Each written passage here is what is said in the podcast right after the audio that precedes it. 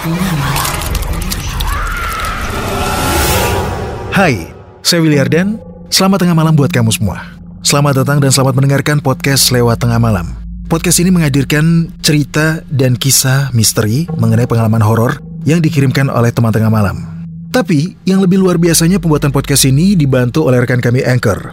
Anchor bisa bantuin kamu ngebuat podcast mulai dari rekaman, edit suara, tambahin lagu, backsound, semuanya bisa kamu lakukan sendiri dalam satu aplikasi. Serunya lagi, aplikasi Anchor ini gratis buat kamu. Bisa di-download langsung dari App Store dan Play Store, atau bisa juga diakses dari website www.anchor.fm. Lewat Tengah Malam.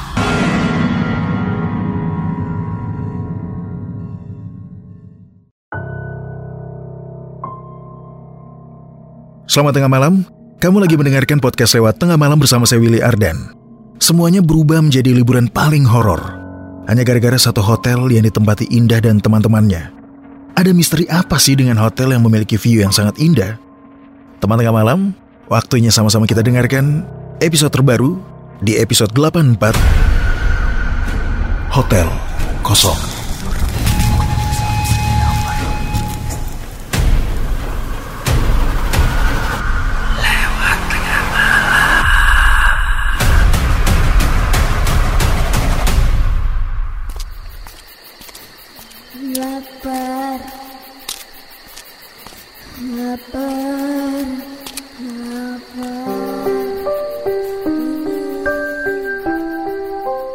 Menghabiskan waktu bersama teman-teman tentunya akan menyenangkan. Tapi semuanya berubah. Saat itu saya dan teman-teman berencana untuk liburan. Kami sempat nyasar. Jalan yang kami lewati seperti hutan.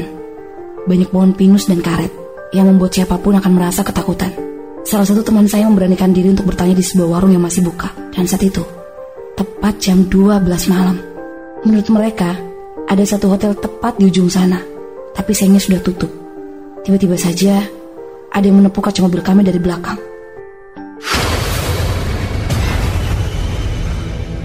Kami semua kaget. Ternyata ada seorang bapak tua dengan penampilan lusuh dan sedikit menakutkan. Tapi aneh, saat bapak itu datang, ibu warung malah lari ketakutan. Ternyata bapak itu pemilik hotel. Bapak itu memberikan harga 100 ribu rupiah untuk setiap orang yang menginap di hotel miliknya.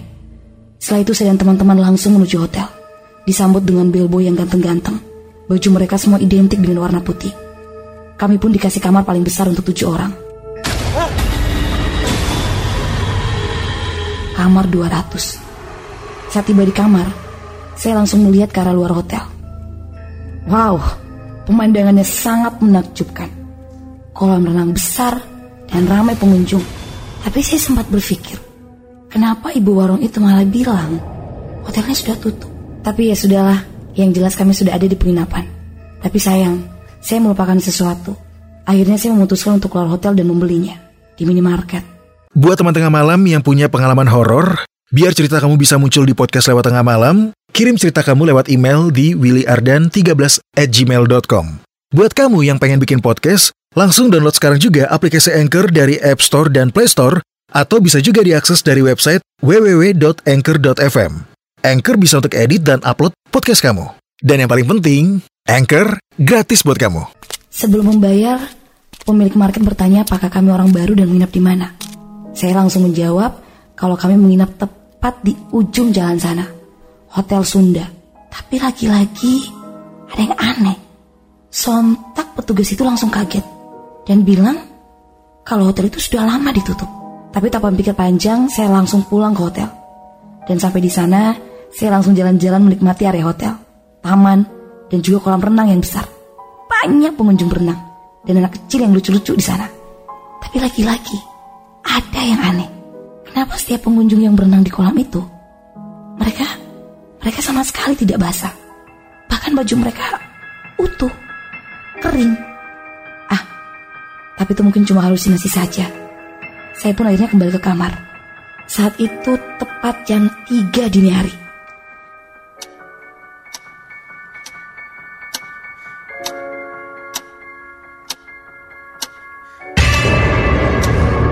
Dan ada tercium aroma menyengat bau bangkai di AC kami.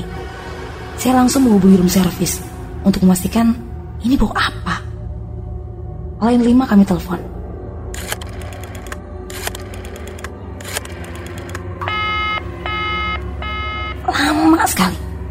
Tiga diangkat.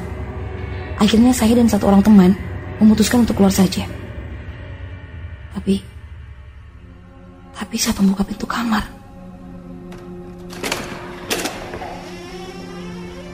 kami melihat seorang bellboy dengan tanpa kepala melintas di hadapan kami. Apa itu?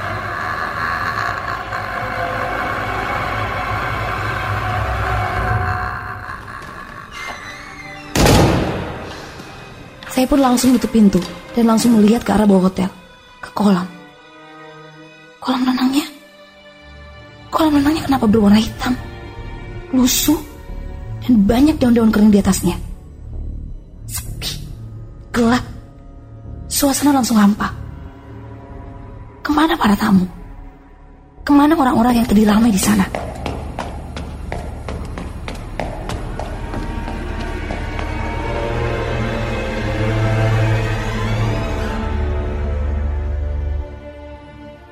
Kami pun langsung bergegas dan langsung menuju mobil.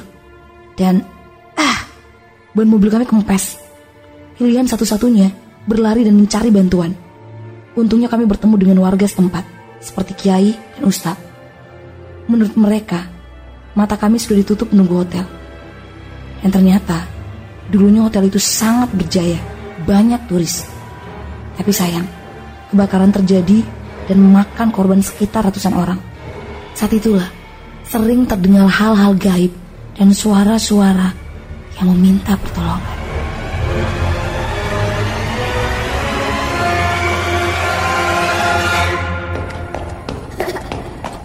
Ha